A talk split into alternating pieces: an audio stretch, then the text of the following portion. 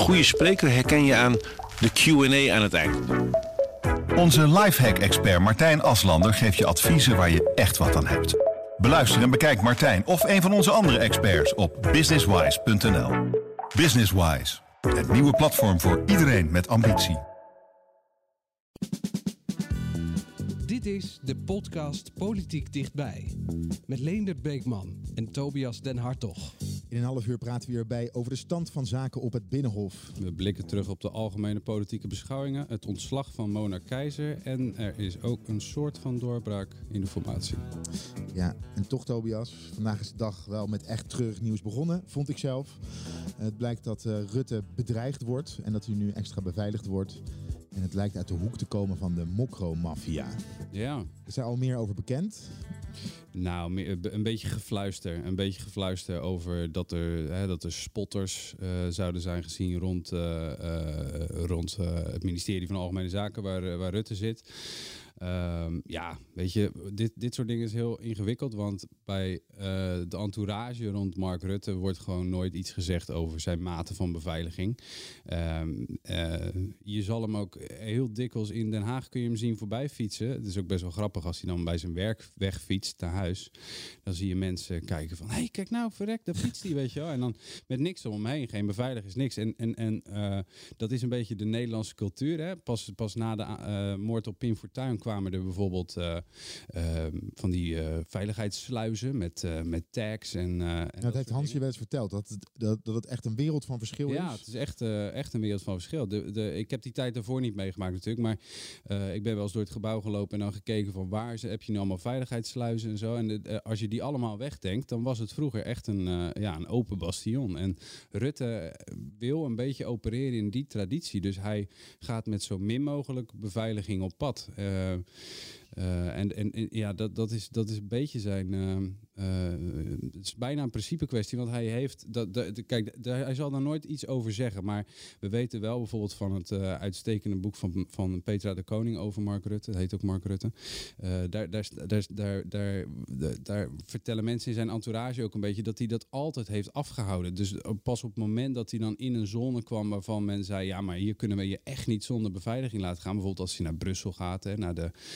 Uh, als die bijeenkomsten van de EU en dergelijke, dan moeten er echt mensen mee. En dan, nou ja, dan pikt hij als het ware zijn beveiliger zelf op ergens bij een wegrestaurant. Zo van, nou, vanaf hier mogen jullie meerijden. En daarvoor wil hij gewoon echt zijn handen vrij hebben. En dat, natuurlijk is er ook uh, uh, bewaking die je niet ziet. Hè? En dat is zeg maar de remedie. De, de, de mensen die echt wel om hem heen lopen um, uh, en om hem heen zijn die je niet ziet. Maar het is zo minimaal mogelijk en zo minst zichtbaar mogelijk als, als ook maar kan.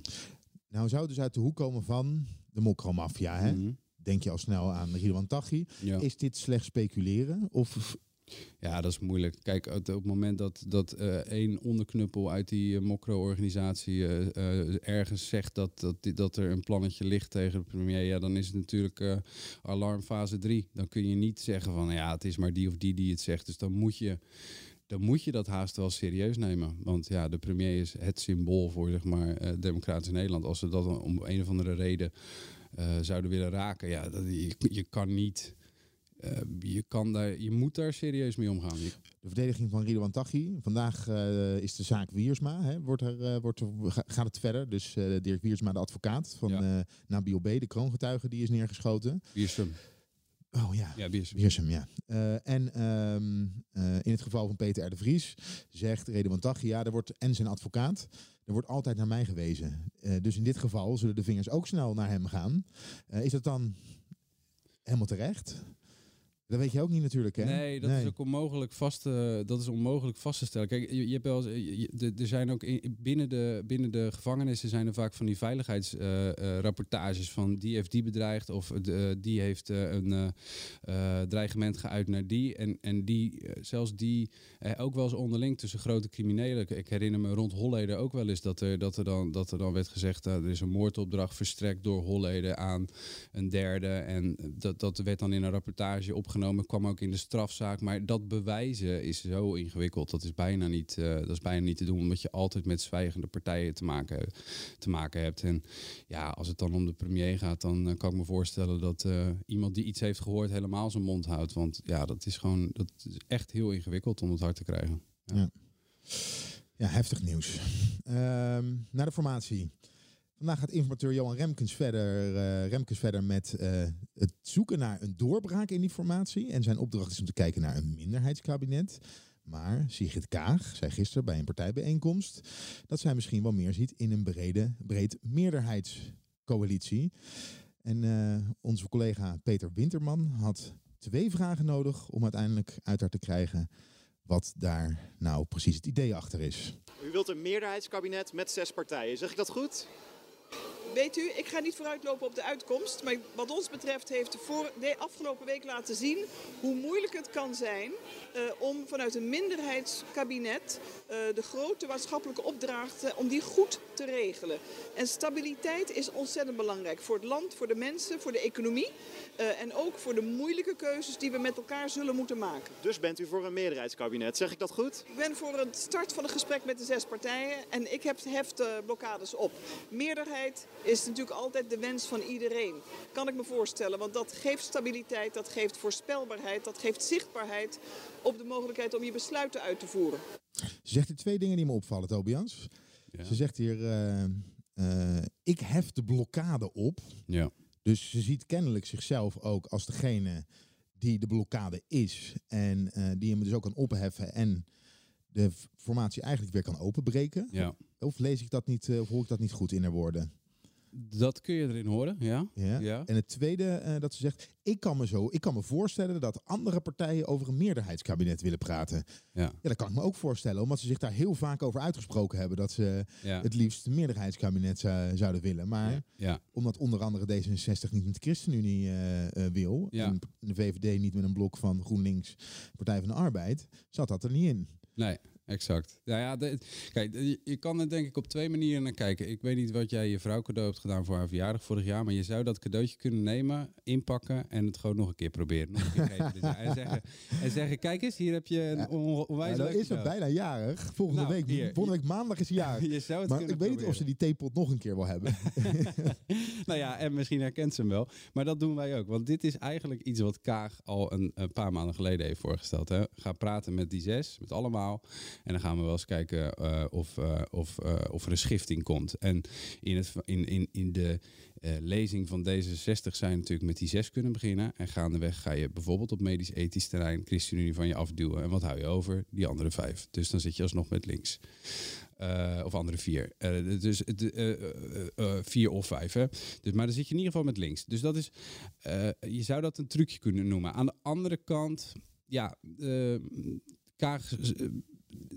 ze, ze heft de blokkade op in die zin dat ze met ChristenUnie wil onderhandelen of wil praten. Dat is een, uh, dat is een geste. Ja, daar kun je, daar, ja, dat is een beetje glas half vol, half leeg. Maar dat kun je ook gewoon een gebaar noemen en een stap vooruit en landsbelang. En nou ja. vandaag bij ons staat er een interview met, uh, uh, met Segers, ja. hè, de, de leider van de ChristenUnie in de krant. Die heeft zich natuurlijk ooit heel sterk uitgelaten over wel of niet met Rutte in een kabinet ja. willen. Nou, dat, die, die keutel heeft hij helemaal ja, ingetrokken. Hè? Dus in principe kan de ChristenUnie zou kunnen aansluiten. De, de Rutte is geen, is geen uh, staande weg meer, nee. volgens mij. En heeft hij dan nog een hekel aan D66? Ja, dat wel. Ja? ja, nou ja, kijk, als je het interview leest, dan is het echt op zijn zegens. Dus het is uh, uh, uh, een beetje zalvend. het lukt allemaal best. Landsbelang, verantwoordelijkheid. Hè, dat is ook ja, dat is helemaal zijn snit. Maar ergens in dat interview staat ook gewoon... er zijn wel, zegt hij dan letterlijk... er zijn wel rode lijnen. Dus tot hier en niet verder.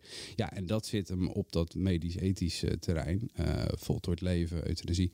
Dat is, da daar zit natuurlijk gewoon nog steeds een fundamenteel verschil in uh, tussen D66 en uh, de ChristenUnie.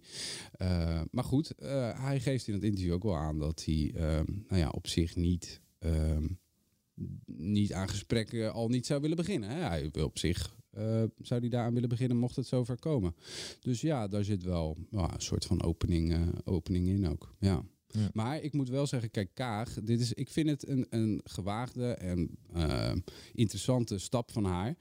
Maar uh, zij zag natuurlijk ook wel dat als je alles een beetje wegstreept van de laatste weken, dan stevende het af op een minderheidskabinet van VVD, CDA, D66. Nou, D66 wil dat niet. Waar steven je dan op af? VVD, CDA dan maar samen. En dan maar kijken wat, er wat, ermee, wat ermee gebeurt. Ja, dat, ging, dat was niet de koers uh, die voor haar goed was natuurlijk. Die voor haar ideaal was. Dus uh, de, de, de, achter de schermen D66 zeiden ze... nee, dan gaan we in de oppositie ook goed. Nou, ik, ik geloof dat niet zo. Uh, dat ze dat ook echt goed vinden. Maar dus, dus deze stap, nou ja, die, die, die is wel te verklaren.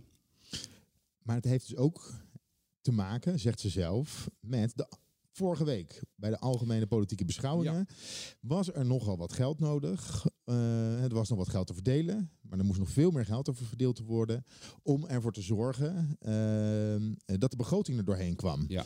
En je kan eigenlijk zeggen dat dit een soort proeven was van hoe gaat het nou, er zo met, hoe gaat het nou zo meteen werken op het moment ja. dat wij met een minderheid wisselende meerderheden uh, in het parlement moeten hebben om ja. onze plannen er doorheen te krijgen. Uh, uiteindelijk is dat gelukt door Sophie Hermans, die nam het voortouw. Die tijdens de algemene politieke beschouwing deed zij het woord namens de VVD, omdat Rutte als politiek leider van de VVD nu niet in de Kamer zit, maar in vak K. Dus Ja. En hij moest zijn eigen begroting verdedigen. Ja. Uh, veel lof trouwens voor uh, Sofie Hermans. Uh, maar ze moest ook de portemonnee flink trekken. Vorige week spraken we over hoe zo'n motie nou precies werkt. Nou, we hebben nu een klein stukje kunnen we laten horen. Dit was het voorstel wat we nu gaan horen van Sofie Hermans. Met alle miljoenen die uiteindelijk aangenomen is. Die alle miljoenen die nodig waren om die begroting er doorheen te krijgen. Met 500 miljoen euro de verhuurdersheffing te verlagen in combinatie met prestatieafspraken betreffende woningbouw en verduurzaming. Met 500 miljoen euro de salaris in het primair onderwijs te verbeteren. Met 300 miljoen euro de onderhoudsachterstanden bij Defensie te verkleinen. Met 200 miljoen euro de veiligheid en handhaving te versterken, onder andere door het aantal wijkagenten en groene BOA's te vergroten. Met 375 miljoen euro de energierekening voor huishoudens te verlagen door verlaging van de ODE op elektriciteit in de eerste schijf en verhoging van de belastingvermindering nou, energiebelasting. Maar er, met er worden met miljoenen euro gesmeten. Ja, waar, waar zijn er allemaal extra miljoenen naartoe gegaan om, uh, uh, om die begroting rond te krijgen? Ja, um, nou ja, de, uh, leraren, salarissen, zorgsalarissen, wat meer voor veiligheid. Uh, eigenlijk een heel uh, wijkverbetering, eigenlijk een heel palet aan wensen. Kijk, dat, ik zat nu even mee te schrijven en ik, we waren nog niet eens aan het eind van het fragment en je zit al tegen 2 miljard aan. Dat is geen geld wat nou ineens, weet je, dit kost het kabinet geen rip uit het lijf. Het is, dat was interessant, er was geld over. Hè? Er was een begroting gemaakt met Prinsdag, die be begroting was karig. Maar dat was geen uh, dat was maar een miljard ongeveer dat over was, toch? Ja, nou dat is een beetje, dat is een beetje inderdaad, dat klopt. Het is een beetje een technische discussie, maar er was nog geld over van de, weet je nog, ooit heel veel discussie over afschaffen van de dividendbelasting. Ja. Oh man, wat een, wat een drama. En een sms'je van Polman. En dat was een heel gedoe, want de VVD wilde, uh, uh, wilde echt vasthouden aan dat punt. Afschaffen van de uh, belasting op dividend. Nou, dat, dat, dat strandde, dat plan. Want Unilever uh, ver, ver, verplaatste nog alsnog activiteit. Had allemaal geen zin meer. Toen hebben ze de BIC-regeling, de uh, inkomens. Nou, ik, kon, kan het niet eens. Het was een cadeautje aan de, aan de werkgevers om kort te gaan. Nou, dat bleek uiteindelijk een soort van staatssteun, uh, uh, waarschuwde de EU. Dus dat plan moest ook worden ingetrokken. Ingetrokken. Dus zat de VVD eigenlijk met een potje van 1,8, 1,9 miljard euro over. Ja, en daarvan is een deel dus al in deze begroting gegaan, ongeveer de helft. Maar er was dus nog een miljard over. En eigenlijk is de VVD op pad gegaan met naar de Kamer gezegd: jongens, uh, wij willen die begroting erdoor. Jullie hebben wensen. Uh, voor wat hoort wat. Bedenk wat we met het geld zouden kunnen doen. Daar is een wenslijstje uitgekomen. En inderdaad, dat bleek duurder dan er was. 2 miljard ongeveer. Het dubbele dus van wat er over was. Ja, en toen is het kabinet uh, uh, gaan kijken, uh, ja, waar halen we dat vandaan? Ja, en dat heeft de VVD best wel een beetje pijn gedaan, want die hebben dus hun eigen heilige huisjes omver moeten Welke waren dat? Nou ja, die werkgeversbelasting, daar, daar, daar is dus niks van. Of die werkgevers, dat werkgeverscadeautje, daar is, is dus niks van over. van over. Dat is weg. En de verhuurdeheffing, dat is iets waar de VVD Um, ja, eigenlijk nog als enige echt achter stond. Uh, dat, was, dat was hun Ehm, het was niet hun bedenksel. Het was niet iets wat, wat vurig uit de, uit de boezem van de, van, van de VVD kwam of zo. Maar eh, de heffing op woningcorporaties om een soort marktwerking eh, aan te wakkeren. Dat was ooit bedacht in 2013. In de crisis was dat, om eh, ook een beetje de, de staatskast te spekken. Ja, en, en, en er was heel veel geld over hè, bij die woningcorporaties. Er waren toen bestuurders die waren Maseratis aan het kopen. En ja, dat was, dat was iedereen een doorn in het oog. De VVD dacht, als we belasting hen opleggen... dan eh, gaan ze misschien eh, het, het grote, eh, mooie eh, panden gaan ze afstoten. Komt er misschien geld beschikbaar om meer huizen te bouwen? Nou ja, niemand geloofde daarmee in. Want je zag eigenlijk dat ze het vooral aan het oppotten waren. Dus andere partijen geloofden daar niet meer in. Maar de VVD wilde dat echt niet zomaar uh, ja, aan de kant zetten. En uh, nu dus wel. Want het, Ja. moest, het moest allemaal betaald worden. Nou, ja. ja, dat was succesje hè? Ja. Voor, voor, voor de Kamer. Hè? Dat, dat geld werd, eh, hè, doe mee met ons. eh, Ja, doe mee met ons. Stap in. ehm, de zorg krijgt, eh, ehm, krijgt geld voor hogere salarissen. Ja. Dat zou eerst betaald worden door de, vanuit de zorgpremie. Daar was dus heel veel onvrede over. ja. Ehm, maar dat wordt uiteindelijk toch uit een ander potje betaald. Ja. Ja. Eh, wat hebben we dan nog meer? Uh, de, de koopkracht wordt nog wat verbeterd. Er was nauwelijks koopkracht, koopkrachtverbetering. En uh, dat, dat is nu alsnog geregeld. Nou, dan moet, je, dan moet je niet denken dat je er ontzettend veel uh, meer aan overhoudt volgend jaar. Dat je ineens jezelf rijk kan rekenen. Dat is niet zo. Het is tientjeswerk. Maar het gaat ook om het idee dat de economie gaat als een tierenlier. Hè, zegt Wopke Hoekstra. Ja, dan zegt de Kamer, nou, dan willen we dat ook merken. Ja. Dat, dat en er wordt ook nog iets aan onze energierekening gedaan. Ja, energierekening, inderdaad. Dus dat, al met al is dat best wel een uitgebreid uh, pakketje geworden. Ja. En toch, ondanks dat je dit als een succes kan zien, hè, Sofie Hermans, die is namens de VVD op pad gegaan, kreeg een boodschappenlijstje en er is een hoop afgevinkt. Er is ook nog een motie aangenomen, ook niet te onbelangrijk, over het leenstelsel. Ja. Uh, die moet afgeschaft worden, maar door een volgend kabinet. Ja, precies. Daar ja. gaat echt nog dus dat is eventjes uh, dat, dat, dat geen directe invloed op de begroting uh, voor volgend Nee. jaar. Maar er was een flinke wensenlijst. Daar is een hoop van ingewilligd. Zou je denken, hé, hey, dit is een succes. Dit is een blauwdruk voor hoe we kunnen gaan werken zometeen als er een minderheidskabinet is. En toch heeft Kaag dit waarschijnlijk aangegrepen om nog eens goed te kijken naar moeten we niet een breed meerderheidskabinet gaan vormen? Want er was dus kennelijk wel onvrede over. Is er gewoon te veel geld uitgegeven? Hebben ze te veel moeten toegeven? Nee, dat denk ik niet. Dit is op zich geld dat we wel zo. Uh, kijk, de VVD heeft er een beetje pijn voor geleden. Deze 60 geen cent pijn voor geleden. Dus op zich zou denk ik dat, dat, uh, dat dit met instemming van die partijen. Dat dat. Uh, nee, dat is denk ik naar tevredenheid gegaan. Ik denk ja. wel dat. En de andere les was dus over dat naar tevredenheid gaan. Dat ze dat dus met ChristenUnie eigenlijk gewoon met de oude coalitie hebben ze dit allemaal voor elkaar gebokst achter de schermen. Dat Kaag misschien wel gedacht heeft dat het werkt eigenlijk toch nog wel wat beter dan ik dacht. Ja, dat kan wel. Kijk, toen, toen uh, de, in het debat zag je dat uh, best wel wat... die had wel wensen als het bijvoorbeeld ging om die... als het gaat over... Uh, uh, het, het, het, het, geld verdelen, hij, zit er niet zo principieel in, snap je? Dus het is niet zo dat hij blokkades gaat, gaat, gaat, uh, ging opwerpen in dat debat. En dat zag Kaag natuurlijk ook. Dus die heeft wel gedacht, ja, ze zouden dus met deze vier, de oude, met, met de oude vier krijgen we de begroting erdoor. Maar ja, dat is niet wat ze wil. Ze wil niet, dat, in feite wil ze niet door met die oude regering. Dus kijk, links werd nu wel uh, erbij betrokken. Hè. PvdA en GroenLinks hebben uiteindelijk voor die motie die Hermans net hoorde voorlezen ook gestemd. Hè. Dus die, die, die kwamen in het kamp. Dat was uh, het plus. Die kwamen erbij. Maar ehm, ja, Kaag zal best hebben gedacht van... ja, zonder die twee hadden ze het ook gered. hadden we het ook gered. Hè. Want laten we wel wezen, haar partij is nog steeds deel van de demissionaire regering. Maar uh, ja, die, die wil een andere kant op. Dus dat moet je dan wel ook laten merken. Dat heeft ze eigenlijk dus een paar dagen later uh, nou ja, een soort van voorzet uh, toegedaan. Om ja. die linkse partij er weer bij te betrekken. Ja. Ik vertelde al, Sofie Hermans, die eh, sprak namens de VVD omdat Rutte nog de premier is. Hè, gaat, kan niet uh, gaan debatteren tegen zijn eigen begroting en daar zelf ook weer antwoorden op geven. Dat is een mm. beetje wat, uh, waarom dat is. Tekent ook wel hè, dat, dat, dat er in Den Haag zoveel mensen met een dubbele pet op zitten momenteel. Dat is natuurlijk. Carola Schouten stemde dus vorige week voor, voor een motie van afkeuring te, in dat Afghanistan nee, ja, ja. tegen haar eigen kabinet. Ja, dat. Is, dat, Is, natuurlijk heel raar. Je, je keurt je eigen handel af. Dus dat, is, dat is een kabinet waar je notabene zelf in zit. en dit was ook de reden voor Kaag Kaag om niet deel te nemen aan het debat. Want zij was nog minister en hij heeft dus haar handtekening onder de begroting gezet. Exact. Maar zij was minister af na het Afghanistan-debat. Ja. Dus zij had in theorie als Kamerlid dat debat weer kunnen doen. Ja. Dat deed ze niet. Ze liet het aan eh, Jette over, omdat ze zei: Ja, ik ga dan ook debatteren. Ik heb nog wel meegeschreven aan deze begroting, mijn handtekening eronder gezet. Dus dat zou raar zijn. Ja. Daar hoorde je verder niemand over. Nou, jawel. Ja, kijk, zo'n debat begint dan. En eh, dan denk je, nou, gaan klaarzitten.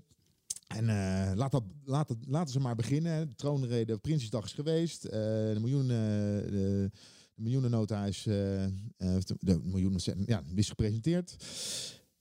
En dan gaan we eerst de regeling van werkzaamheden doen. En dan hebben ze voordat het debat begint al ruzie over de volgorde van wie wanneer begint. Laten we daar niet te, diep over eh, op Ja. ingaan. Maar eigenlijk zou de VVD mogen beginnen. Maar Wilders wilde zo graag beginnen dat hij eh, van Sophie Hermans, eh, die zei nou gaat u dan maar als u zo graag wil. En, en toen hij begon was ook wel duidelijk waarom hij zo graag wilde beginnen. Want hij zat echt te popelen Wilders om Kaag even een veeg uit de pan te geven. Hare koninklijke arrogantie, mevrouw Kaag, viel vorige week al door de mand. Als minister wilde ze ook al niet naar dit debat komen, maar voor een snoepreisje naar New York gaan. Ze had haar koffers al gepakt. Heerlijk. Flaneren op Fifth Avenue. Fijn quinoa salades kouwen met haar soortgenootjes. Lekker biologische muntthee sippen. Haar yogamatje voorzitter zat al in haar Louis Vuitton koffer. Ja, voorzitter, de, de obsessie van de heer Wilders met Sigrid Kaag begint toch wel echt zorgwekkende vormen aan te nemen. Ja, en waarom laat ik dit nou eh, naar horen? Politiek in mijn ogen, Tobias, jij gaat er ook eh, bij, die, eh, bij die politieke algemene beschouwingen, ga je ervoor zitten en dan denk je nou, het is een beetje ook alsof je naar theater gaat of naar, eh, in dit geval naar cabaret zit te luisteren. Je wil ook wel wat spektakel hebben, maar het komt natuurlijk, hè, eh, het vertrouwen in de politiek, als we ruzie met elkaar lopen te maken, komt dat niet ten goede. Maar toch, als dit op die manier zo begint, denk je wel even, ja, lekker. Heb je Ja. dat niet? Nee, ja, kijk, dit is Wilders, vintage Wilders. Ja, nee, zeker. Kijk, de, de al- algemene po- politieke beschouwingen zijn er vaak voor bedoeld van... je legt een soort visie neer op het komende jaar... maar misschien zelfs wel over de, op de komende tien jaar. Het is echt even de, de grote politieke lijnen uitzetten. Hè. Eh, natuurlijk gaat het over Prinsjesdag en over de miljoenen voor het komend jaar... maar het gaat ook over wat verder kijken. Nou, Wilders doet daar eigenlijk nooit aan mee. Eh, in die zin, ik bedoel, hij schetst natuurlijk wel het Nederland dat hij eh, voor zich wil zien... maar zijn kracht zit hem er vaak toch in om zijn politieke tegenstanders te raken. Ja, dat, die kunst beheerst hij als geen ander. Dat is spektakel, dus daar mag je ook best van genieten, vind ik. Eh, en dat deed hij in dit geval dus. eh, ja, alle ballen op Kaag, eh, dat doet hij al weken. Dus dat, dat, dat paste helemaal in dat stramien. Ja, Kaag hoorde je na, de, na het... de, of in, de, in de coulissen van... hoorde, je, hoorde jij zeggen, ja, die man moet naar de dokter. Het is pathologisch aan het worden hoe, hoe, hoe, hoe geobsedeerd hij met mij is. Maar goed, ja, het eh, eh, spektakel is het, eh, is het zeker. Nou, ma- mag je hier nou van genieten? Dat is een beetje mijn... eh, Ja, het is ook politiek. Kijk, je, je, je zit. Kijk, Wilders vervalt ook soms wel eens in, ehm, in schelden. Hè? Eh, dan kun je hacks bijvoorbeeld, hè? dat Mhm. hacks, dat heeft hij nogal gemunt.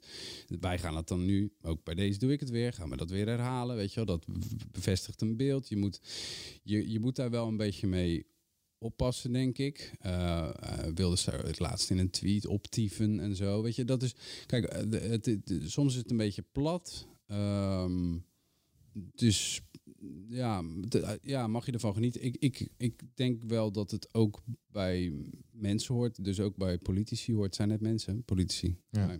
Ja, ik, ja, er zitten grenzen aan. Maar het is smaak. Het is smaak, denk ik. ja. Maar hij is, kijk, je kan veel van Wilders zeggen. eh, Maar het dit- gaat niet alleen over debat- Wilders, hè? Het gaat meer dit- over dat je... ja, in- de dat je toon. een- en je hoort het denken ook natuurlijk. Ik bedoel, de- maar waar, waar, waar, wat je Wilders wel moet nageven is hij, ehm, hij is oprecht fan bijvoorbeeld van Engelse politiek. En daar heb je de oppositie en die oppositie daar.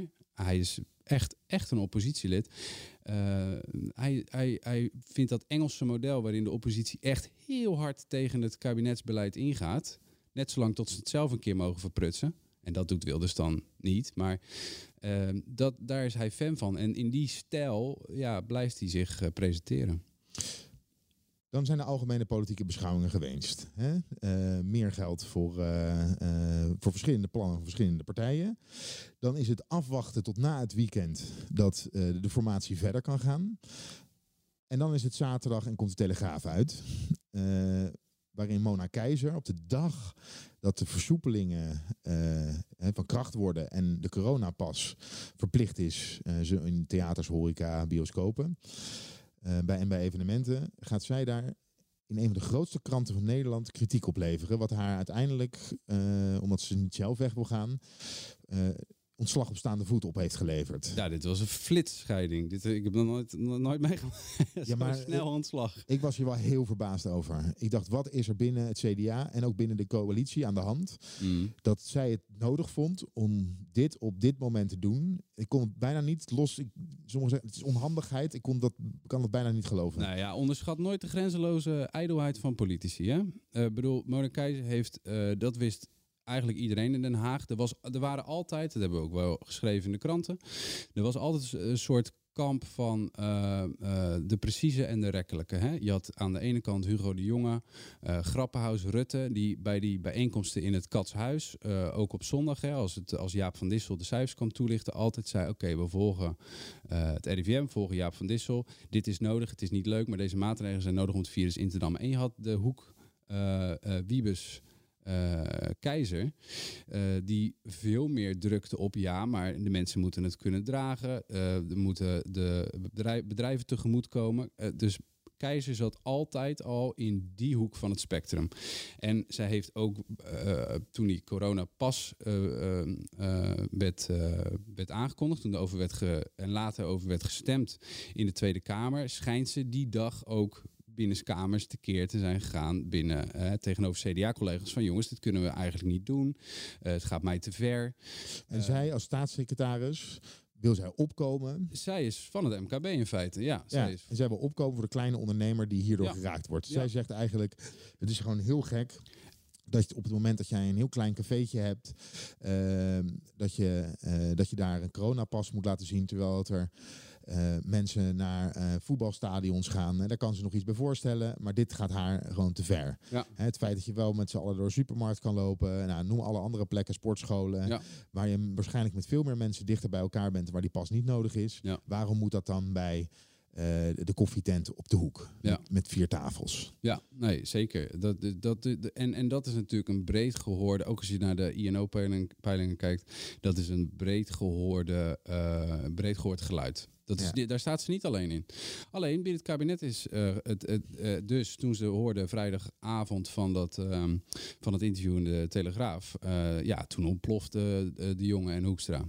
Want ja, hallo, jij hebt net maanden, zo niet anderhalf jaar lang, hebben wij eh, met jou opgetrokken. En dan ga jij nu, op de dag dat het gebeurt, ga je eigenlijk ehm, ja, de stoel onder onze kont vandaan trekken. Notabene van het kabinet waar je zelf eh, deel van bent. En Dat die is- met één mond altijd spreekt. Dat en die, en ja, dat is, dat is zeker. Dat is, dat is nog zeg maar de eh, ja, juridische eh, ehm, eh, component die de, die de volgende dag ook van belang werd. Maar die avond was het heel erg zoiets van: ja, hallo Mona, dit is, dit is naoorlogs verzet bijna. Hè? Ik bedoel, ja, je, je zat erbij toen we dit besloten, toen we Ja. dit introduceerden, toen we het door de Kamer heen loodsten. Daarom denk ik dus, dit is gewoon een, dit is rancune. Dit is een schop nageven. Zij kan, weet precies wat de impact ervan zou zijn. Dat kan. Misschien had ze niet verwacht, eh, want het was sinds 75, las ik al niet meer gebeurd, dat, iemand, dat er iemand vanuit het kabinet op staande voet ontslagen is. Ja. Maar ehm, Het is wel eerder, ge- eerder geprobeerd, overigens, ook door Rutte, bij Hans Hille, CDA-minister, maar niet gelukt toen, want toen ging eh, Maxime Verhagen ervoor liggen. Maar nee, het, het is, ehm, de, de, kijk, de steun was weg binnen het CDA. Er was niemand meer die het, te- tegen, die het op ging nemen voor, voor Keizer. Dus als, als dit een, eh, als, eh, het gaat ook een verhaal dat ze vandaag, maandag, dan een brief had willen schrijven waarin ze openbaarde op welke punten ze het allemaal niet eens was geweest met het kabinet. Eh, ja, dat, dat, als, als dat klopt, dat wilden wilde ze dan zeker voor zijn. Dus, dus is er ook gekeken gewoon naar de letter van de wet. En die zegt dat het kabinet spreekt met één mond. Als iemand zich daar totaal aan onttrekt, kan je diegene ontslaan. Nou, dat Maar- is gebeurd. Maar dit is ook een vrouw die in de race was om lijsttrekker te worden voor het CDA. Dat verloor ze overigens eh, Behoorlijk. behoorlijk, ja. Eh, dat was toen nog tegen Hugo de Jonge. En, eh, en Pieter. Omtzigt. Ja. Die Ja. Omzicht heeft het overigens weer voor erop genomen. Voor het feit dat ze op staande voet ontslagen is. Mm. Dat kan eigenlijk niet, vindt hij. Ik weet niet of dat waar is. Maar, ehm, maar dat even terzijde. Maar ze, ze steekt... Dit was een vrouw die leider wilde worden van de partij.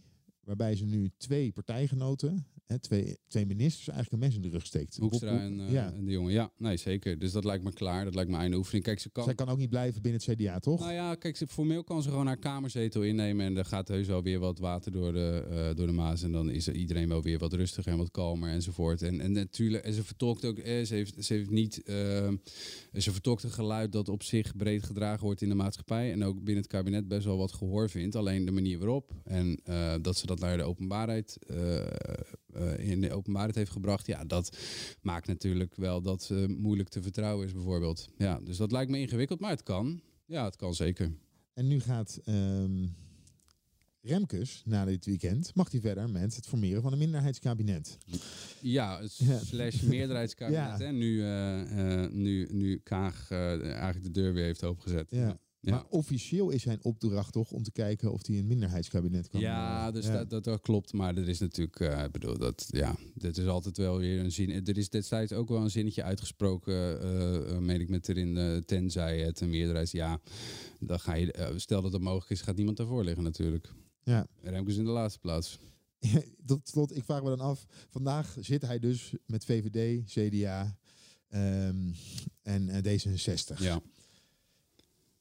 Ja, ik zou beginnen met een, eh, met een vraag van jongens, vertel eens, is dit weekend nog wat gebeurd? Dat Kaag dan kan vertellen van, nou ja, ik heb weer eventjes een nieuw plannetje bedacht. Heb ik gisteravond een proefballonnetje opgegooid. Ja. En eh, dat ze bij het CDA kunnen vertellen. En eh, of de Rutte kan vertellen van ik heb een staatssecretaris ontslagen. En het CDA, ja, we hebben achter de schermen hebben we weer flink mot met elkaar. Ja. Van nou leuk, zullen we nou, nou goed, gaan we nu met goede moed gaan we verder praten over hoe we verder moeten met elkaar, Het toch? was een pittig weekend. Ja, maar aan de andere kant, vorige week hebben we, dat kunnen ze ook zeggen en dat kunnen ze alle drie zeggen. Vorige week hebben we met steun van de oppositie eh, moeiteloos eh, eh, eh, een, eh, 2 miljard uitgegeven en dat was hartstikke gezellig. Ja. Dus het Ja, is en, altijd... En dat beviel toch niet helemaal, waardoor we misschien toch zouden moeten kijken naar een, eh, een meerderheid, een, een brede meerderheid. kijk, eh. Nou, dat, dat, kan, dat kan. Maar dit- kijk, het is wel zo. eh, Stel je gaat praten met die zes, dat zijn diezelfde zes, de belangrijkste partijen dan, die die motie hebben gesteund vorige week. Dat ging om geld uitgeven. Kijk, als er geld tekort is, dan moet bezuinigd worden. Dan wordt iedereen ineens een beetje kriebeliger. En dan krijg je ineens frictie van, ja, maar waarom daarop korten, waarom hierop korten? Dus dan wordt het al minder gezellig. Dus ik denk dat zij ook wel beseffen, ja, met zes klinkt leuk, maar ehm, we zullen toch op enig moment naar vier partijen, drie partijen, minderheid. Ja, we zullen, we zullen het moet, beetje moeten indammen steeds. Ja, en de eh, fijne taak aan Remkes. Ik wens hem heel veel succes. Tobias, zitten volgende week alle bewindspersonen nog in het kabinet die we deze week in het kabinet hebben zitten? Ik zou bijna zeggen van niet. Ik Nee, en wie, moet, wie gaat er dan uit, denk je? Jeetje, ja. ehm, ja, iemand met een nieuwe baan dan, denk ik. Weet je wel, weer zo eentje die, die de, de, de ratten verlaten het schip, zeggen ze dan. Maar ik, nee, ik ga geen naam noemen. Ik, ik weet het oprecht niet. Oké, Tobias. Nou, we gaan het volgende week weer, eh, weer horen, weer zien. Eh, tot, eh, tot, tot zover de podcast voor deze week. Vind je dit een leuke podcast? Abonneer je dan op Spotify of op Apple Podcast. En laat een recensie achter. Dat vinden we natuurlijk altijd leuk. Voor nu, bedankt voor het luisteren. We worden dagelijks overladen met overbodige informatie. En het is moeilijk de zin van de onzin te scheiden. Daarom vertrouw ik op echte journalisten in plaats van meningen. Een krantenmens heeft het gemakkelijk. Word ook een krantenmens en lees je favoriete krant nu tot al zes weken gratis. Ga snel naar krant.nl. Bezorging stopt automatisch en op deze actie zijn actievoorwaarden van toepassing. Mensen luisteren niet naar wat je zegt, maar kopiëren wat je doet. Onze vitaliteitsexpert Martin Hersman helpt je te focussen op wat echt belangrijk is. Beluister en bekijk Martin of een van onze andere experts op businesswise.nl. Businesswise, het nieuwe platform voor iedereen met ambitie.